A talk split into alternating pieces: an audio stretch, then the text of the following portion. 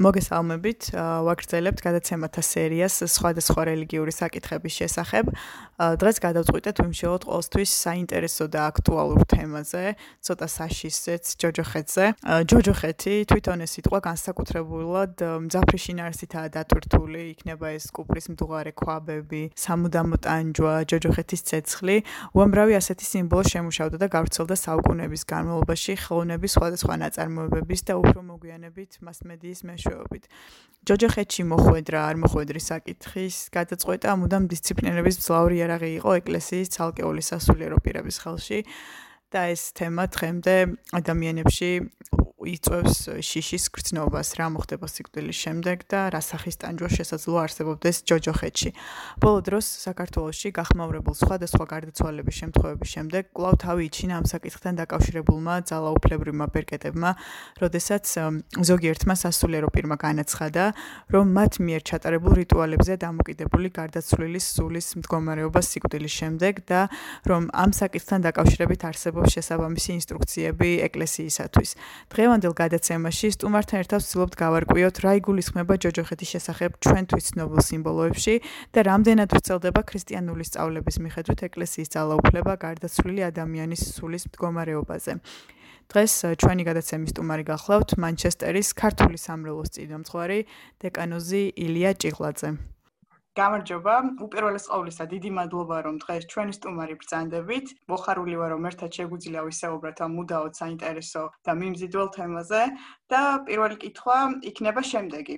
რა არის ზოგადად რომ ვიმსჯელოთ ჯოჯოხეთი? როგორც მოგეხსენებათ, ბევრი წმენა წარმოქმნა არსებობს ამის შესახებ. ხომ არ შეგიძლიათ გითხრათ, საიდან ჩდება ეს იდეა მსმენელისთვისაც რომ უფრო გასაგები იყოს? როგორ უნდა წარმოვიდგინოთ მისი ფიზიკური არსებობა არარსებობის საკითხი?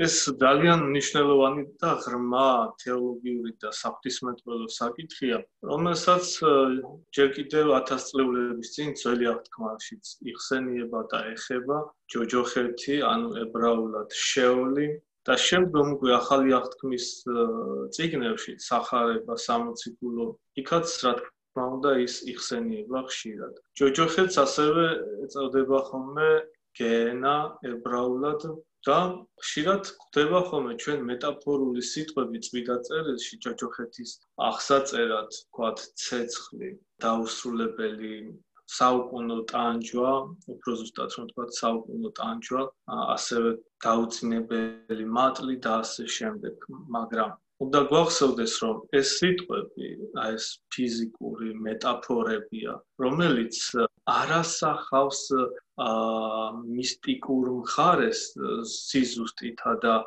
ბუკვალური გაგებით, არამედ ასახავს მის შინაარს ჰიპოთეზურად და სიმბოლური ენით, სიმბოლური მეტყველებით. თუ რა არის ჯოჯოხეთი, ჩვენ შეგვიძლია ერთი წინადადებით ვთქვათ, რომ ეს არის ღმერთისგან გაუცხოება და ღმერთის გარეშე. ესე იგი, მარადიული სიხარულის და მარადიული ნეტარების გარეშე ყოფნა. აი, ქრისტიანული ღვთისმეტყველებისთვის, ესე იგი, ჯოჯოხეთი არის ღმერთის გარეშე ყოფნა ადამიანისა. ან თქვათ იგივე დაცემული ანგელოზებისა ანუ ესე იგი ეშმაკებისა. როგორი არის ტანჯვა? აი იკონოგრაფიაში არის ხოლმე ანუ ხატწერაში ასევე სიმბოლოები, თქვათ, ცეცხლი, რაღაც სატანჯველების იარაღები, სატანჯავი იარაღები, თქვათ, מחხვილი და ასე შემდეგ. ნაჩვენები, მაგრამ რა თქმა უნდა, ჯოჯოხეთი არ გულისხმობს ფიზიკურ ტანჯვას, არც რაიმე ფიზიკური იარაღების, საწამებელი იარაღების არსებობას, არც პირდაპირ ნიშნულობით ფიზიკურ ცეცხლს არაფერს ამდაგვარს, ესე იგი ეს მხოლოდ და მხოლოდ ნიშნავს სულის მდგომარეობას, ტანჯვითი მდგომარეობა, რაც გულისხმობს დარდი და ტკივილი საკუთარი შეცდომების გამო, რაც მან წარსულში დაუშვა და ღვთისაგან განშორების და გაუცხოების შედეგად გამოწვეული ტკივილი. ისევე როგორც მაგალითად 64 და სამოთხის ნეტარება არ გულისხმობს რაიმე ფიზიკურ და ადამიანის დღევანდელი წარმოსახვისთვის არსებულ ნეტარებას, ხო? ეს არ არის კომფორტი პირდაპირი გაგებით, როგორც ეს დედამიწაზე გვაქვს თავად წმინდა წერილი ცამოს რომ სასუფეველი არ არის არც საჭმელი და სასმელი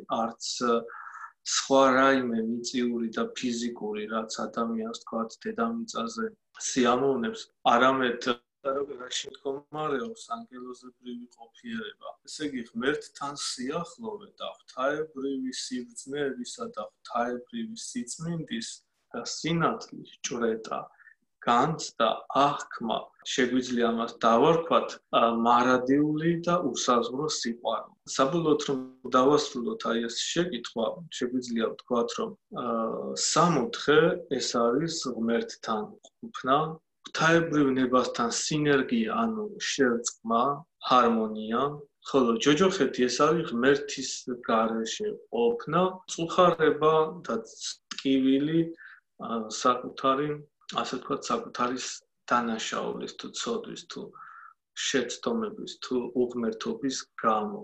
აი ეს შეგვიძლია ვთქვათ მარტივად და მოკლედ თუ რა არის ჯოჯოხეთი და რა არის სამოთხე ქრისტიანული ღვთისმეტყველების გადასახედი.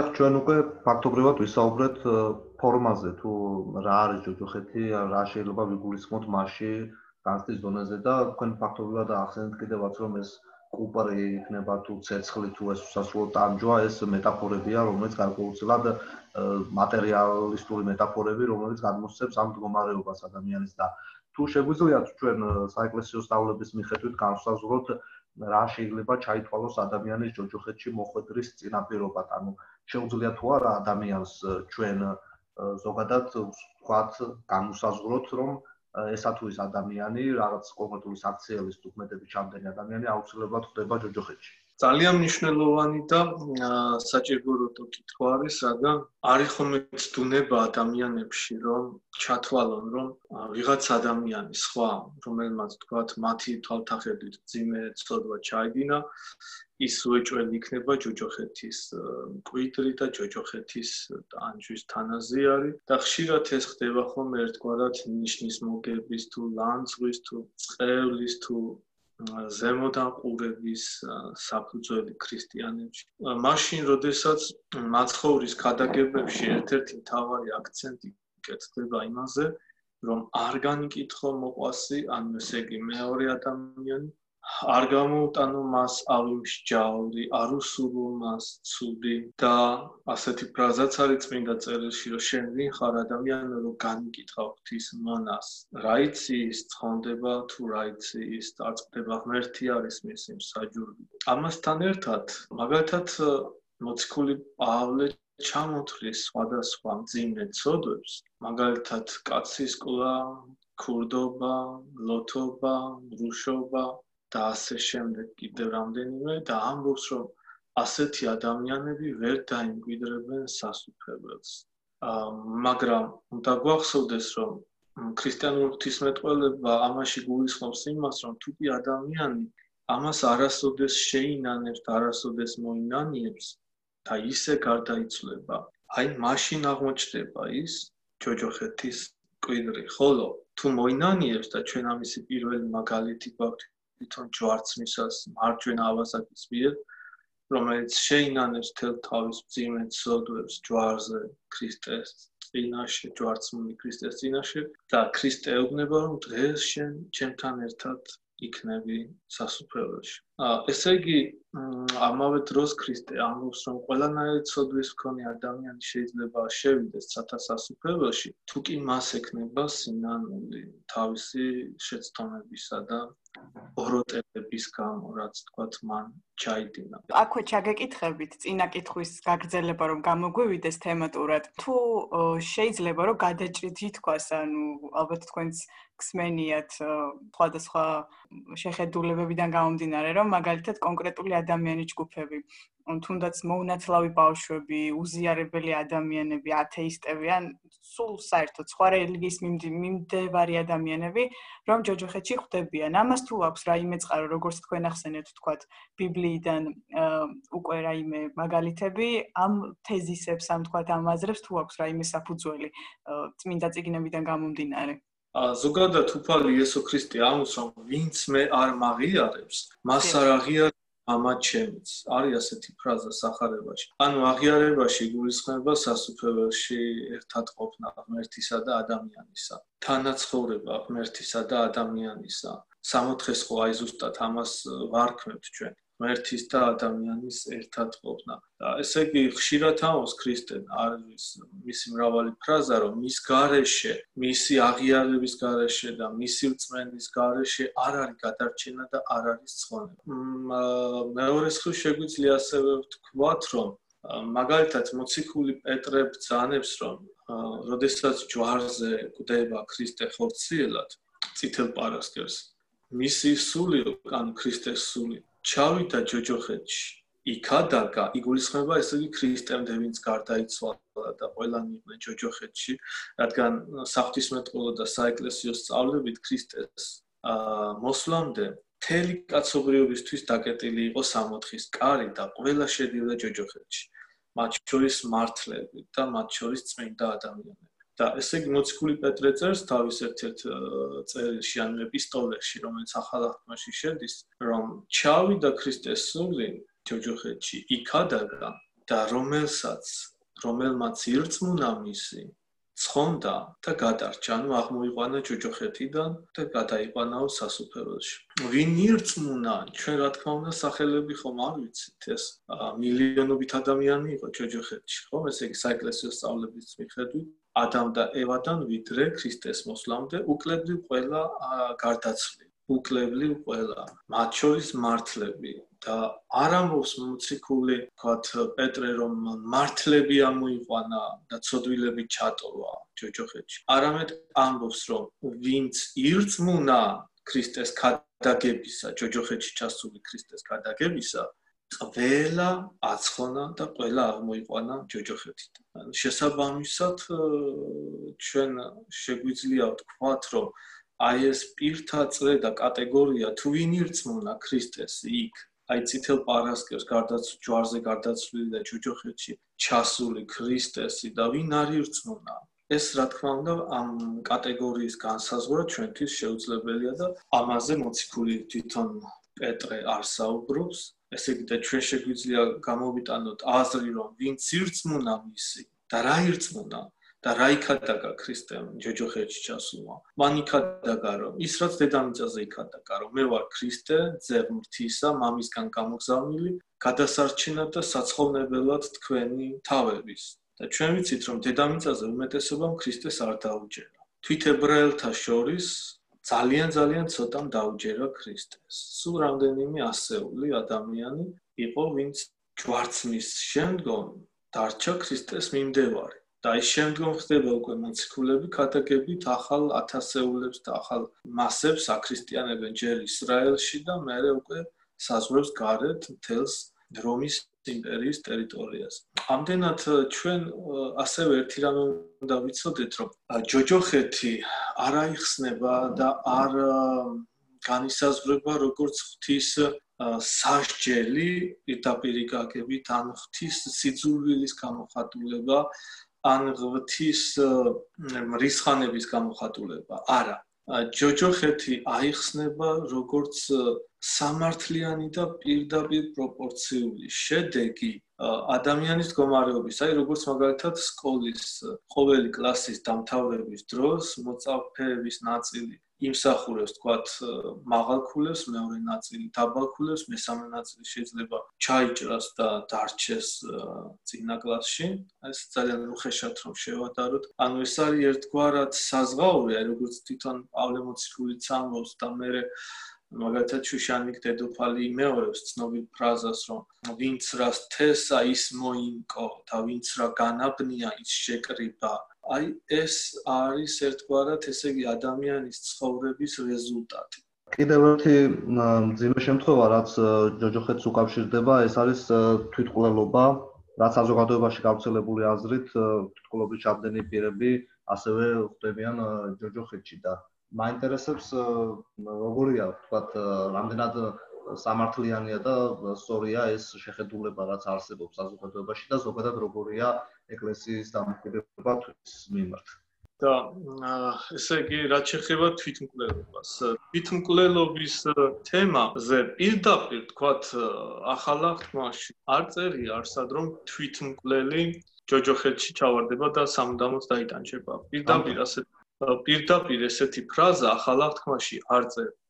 მაგრამ ჩვენ ვიცით რომ ახალი აღთქმის ისტორიაში და მის თხრობაში თავს იკლავს ვინ იუდა, ანუ ის, ვინც გასცა ქრისტე და უღალატა ქრისტეს. ნუ თვითკვლელობა ესე იგი ასოცირდება იუდას ცოდვასთან, იუდას დანაშაულთან, იუდას ქმედებასთან და აღიქმება როგორც ესე იგი ღმრთის მოწყალების და ღვთის იმედის და ღვთის რწმენის დაკარგვა, ანუ სასოწარკვეთილება, ანუ ქმედება, როდესაც ადამიანს აღარ შეერა ღვთის წყალობის. მეორე მხრივ ჩვენ გვაქვს ეკლესიის ისტორიაში წმინდანები, რომლებმაც თავი მოიკლეს და წმინდანებად შეირაცხნენ. ესენი იყვნენ რამდენიმე ქალწული, მათ შორის წმინდა ტაისია, ქალწული, რომლებიც გაუპატიურების საფრთხის ქვეშ იყვნენ, ანუ უღმერთოები მისდევდნენ მას და უეჭველი გაუპატიურების მსხვერპლი აღმოჩნდებოდნენ და მომენტალურად და წამიერად მათ თქვათ ზოგიერთ მაკლდიდან გადაიგდო თავი ან მაღალი სიმაღლიდან ან ზღვაში ჩაიგდო თავი და ასე გადაურჩნენ ესე იგი გაუპატიურებას. და დაიცვეს რა საკუთარი უბიწოება უმანკოება რომელიც მათ უნდა შეეწირათ მთისათვის როგორც ქალწულებრივი ანუ ერთგვარი მონაზნური ღვაწლი და შესაძლებელი ღმერთის მიმართ და ისინი შეირაცხნენ წმინდანებად და წმინდანებად არიან აღიარებულები ეკლესიის მიერ. ანუ ჩვენ ესე იგი ხედავთ გარკვეულ მომენტს თავის მოკლისას, როცა ის ეკლესია არა თუ დაგმო, არამედ აღიარა ვისაც მარტვილობა, დიახ, მიიღო და ვისაც მოწამეობა, მარტვილობა, აი ასე შეაფასა. ზოგადად უნდა ვთქვათ ისიც, რომ თვითკვლელობის გმობით ეკლესია პირველ რიგში ქრისტიანებს მოუწოდებს, რომ სუიციდს, ანუ თვითკვლელობას გაემიჯნონ. და ეს როგორც ყველაზე მავნე და საზარელი პრაქტიკა ალბათ ყველაზე უფრო დიდად ტრაგიკული ადამიანის ცხოვრებაში, რომელიც ახლობლებისთვისაც არის ძალიან ძალიან ძიმე და ტრაგიკული და თვითონ ადამიანისთვისაც, რადგანაც სიცოცხლე, მიწივი სიცოცხლე ერთხელ ეძლევა ადამიანს და მას სჭირდება ძალიან დიდი გაფრთხილება, გამოყენება, ეს არის ყველაზე დიდი საჩუქარი, რაც ღმერთმა ჩვენ მოგცა სიცოცხლე. მართალია სიცოცხლე ორგვარია, სიცოცხლე დედამიწაზე და სიცოცხლე მარადისობაში, მაგრამ თავად მიწია მიწაზე ყოფნაც და მიწიური სიცოცხლე და ყოფიერება ეს პირველადი და მთავარი საჩუქარია, რაც ჩვენ ღმერთმა მოგცა. და ამიტომ მას ჭირდება გაფრთხილება, მას ჭირდება მოვლა და ადამიანი განიხილება როგორც ერთგვარად ყვავილი, რომელიც უნდა აყვავდეს, გაიფურჩქნოს და თავისი სილამაზე და სურნელება აფრქვიოს და ერთგვარად დედამიწა გაალამაზოს თავისი ყოფიერებით. ხოლო სუიციდი, ანუ თვითკვლელობა, პრაქტიკულად ეს ყველაზე საშინელი მდგომარეობაა, როცა ადამიანი სიცოცხლეზე ამბობს უარს, უარს ამბობს სიკეთის კეთების და ცხოვრებისეული შემოქმედების გაგრძელებაზე და ამდენად ეკლესიამ ეს დაგმო და უარყო როგორც საღმრთონებასთან შეწინააღმდეგება რადგანაც ყოველ ადამიანს ეკლესიური სწავლებით სიცოცხლე ღმერთმა მისცა და ღვთის ხელშია მისი ცხოვრება და ღმერთი სათანადო დროს მას გაიხმობს იმ ქვეყანაზე და ღვთისნებასთან წინააღმდგომად განიხილება სუიციდი. იმ აზრით, რომ ღმერთმა მისცა ადამიანს სიცოცხლე და საბამი და ღმერთის ხელშივია მისი ამ ქვეყნიდან გადასვლა მეორე სამყაროში და მეორე სიცოცხლეში. ამდენად ეკლესია გმობს სუიციდს, როგორც ღვთისნების წინააღმდეგ წასვლა, როგორც სიყვარულის მცნების წინააღმდეგ წასვლა. რადგანაც თავისთავად აი ამაზე ტრაგიკული მოვლენა ძნელი მოსაძებნი არის ადამიანის ცხოვრებაში. მეორეს მხრივ, როგორი იქნება სუიციდის, ანუ თვითმკვლელის სულის მდგომარეობა. თლიანობაში ეს რა თქმა უნდა ღმერთის გადასაწყვეტია და ღვთაებრივი ნება ინდივიდუალურად აღესრულება ყველა ადამიანს. ჩვენ ერთი ხელის მოსმით აქ ყოფი ადამიანები ვერ განსაზღვრავთ საფრთხო ნებას და საფრთხო განგებულებას. ადამიანი არ უნდა მიეცეს სასოწარკვეთილებას. ყოველი პრობლემა წუთიერია და ის შეიძლება ხვალ ზექსულიად შეტრიალდეს და უკეთესობისკენ შეიცვალოს და სუიციდი კი კლავს ყოველნაირ პერსპექტივას ადამიანის ყოფიერების დედამიწაზე და ამდენად ეს არის ერთგვარად ღვთის ნების და ღვთის იმედის წინააღმდეგ წასვლა და ასევე წასვლა სიყვარულის კანონის, სიყვარულის მცნების წინააღმდეგ. ახდენს თუ არა მიცვალებულისათვის წესის აგება გავლენას მისი სულის ჯოჯოხეთში მოხვედრაზე. აქვს თუ არა ეკლესიას თუნდაც რაიმე სხვა საშუალება ან ინსტრუქცია რომ ზეგავლენა მოახდინოს სულის მდგომარეობაზე მისი გარდაცვალების შემდეგ თქვენ ან თუნდაც ლოცვით ხო ეს თქვენ როგორც ახსენეთ ამის შესახებ უფრო მეტად რო გვესაუბროთ ზოგადად მაცხოვარი ეუბნება უფალი ჩვენ იესო ქრისტე მოციქულებს ესეც სიტყვას რომ რომელსაც მიიტევებთ მიეტევება რომელსაც შეკრავთ შეიკრება ზეცაშიც. შეკრა ტერმინი შეკრა გულისხმობს ესე იგი მიუტევებლობას ცოდვათა მიუტევებლობას.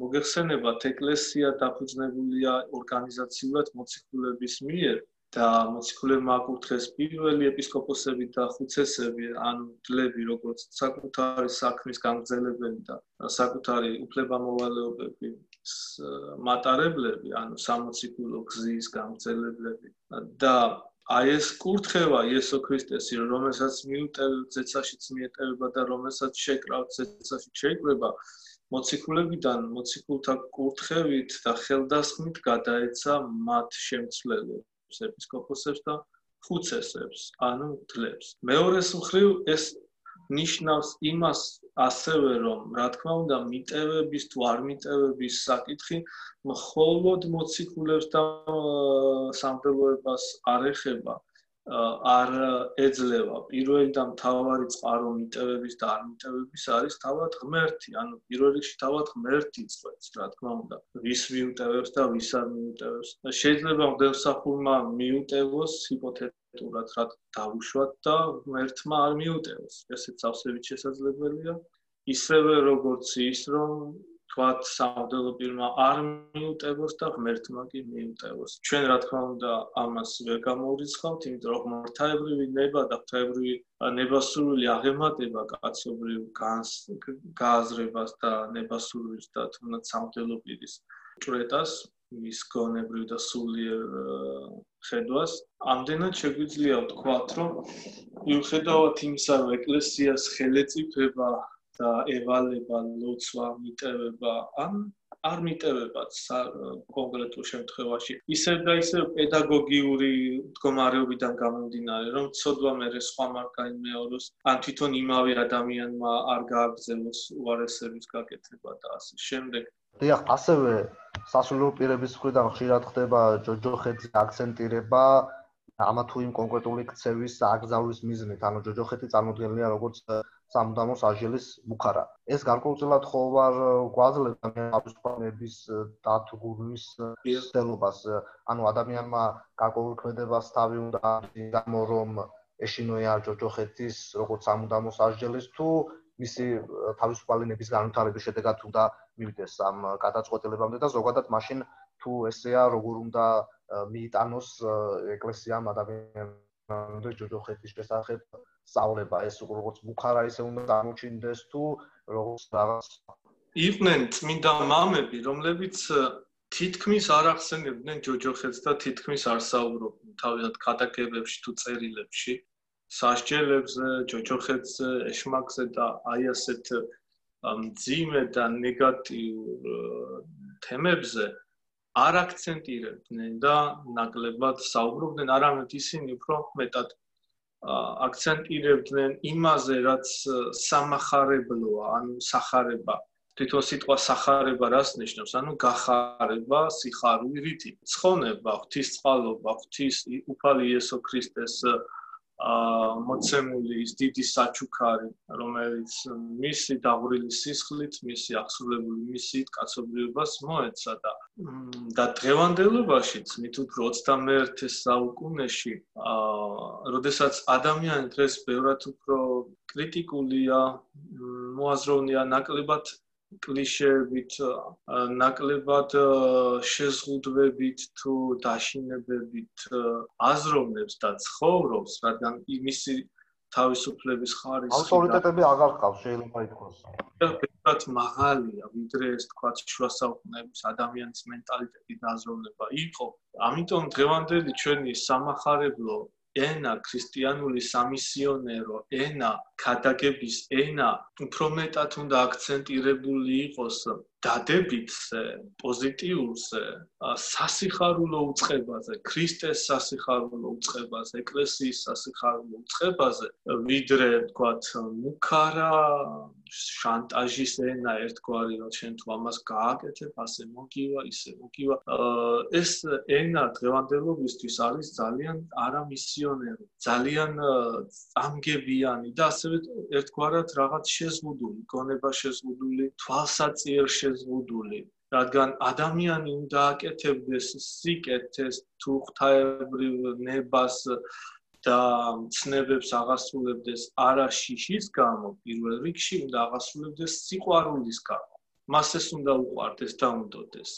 ასევე არა იმიტომ რომ აი თუ არ გააკეთებს ის ჩავარდება ჯოჯოხეთში, არამედ იმიტომ უნდა გააკეთოს ის, რაც ვთქვათ, ეკლესია ითხოვს და ქრისტე ითხოვს, რომ ეს არის მისთვის და მის გარშემო ყოფთათვის უმჯობესი, რომ ეს სიყვარულისა და ღვთაებრივი ცნებების აღსრულება უპირველესად უნდა სრულდებოდეს კეთილი ნების და ცნობიერების შედეგად და არა ვთქვათ იძულების შიშის შედეგად. ეს იქნება ესეთი ქრისტიანობა და ესეთი აღსრულებული ცნებები ყოველთვის არის ბევრად ხენეში ძველ ქართულად როგორც სახარება იტყოდა ანუ უნახო უნახოთო არაპროდუქტიული დიახ ამოდროულად ძალიან დიდ ფსიქოლოგიურ გავლენას ახდენს ადამიანებზე. მე შემიძლია ანუ ესეთი პატარა მაგალითი მოვიყვანო. ჩემი ბავშვობიდან ეზოში მახსოვს რომ ბავშვებს ძალიან ეშინოდათ ჯოჯოხეთის და ამბობდნენ რომ აი ახლა შენ დედა არ გააბრაზო თორე შეიძლება ჯოჯოხეთში მოხვდე და აი უკვე ბავშვობიდანო ეს ალბათ ფსიქიკაში ცუდად ჰქონდათ ჩანერგილი ანუ ყველაფერზე ამბობდნენ რომ ღმერთი დაამსჯის ან ჯოჯოხეთსი გამიშვებს. ეს ძალიან ცუდი ადამიანის ფსიქიკისთვის. დიახ შეიძლება ღმერთის მიმართ უფრო მეტად ზიზღი და ანტაგონიზმი და სიძულვილი გამოიწვიოს. მით უფრო დღევანდელ ადამიანში როცა კრიტიკული აზროვნება აქვს მას ძალიან განვითარებული. ვიდრე მორჩილება ღმერთის მიმართ. ძალიან დიდი მადლობა რომ შედგა ეს საუბარი და დღეს ჩვენი სტუმარი იყავით და მომავალშიც სიამოვნებით გავაგრძელებთ თქვენთან თანამშრომლობას. სიამოვნებით და დიდი მადლობა რომ დამპატიჟეთ და მომიწვიეთ. დიდი მადლობა თქვენთან და წარმატებებს გესურვებთ მანჩესტერში თქვენ საქმიანობაში. ასევე დიდი მადლობა და წარმატებები. მადლობთ.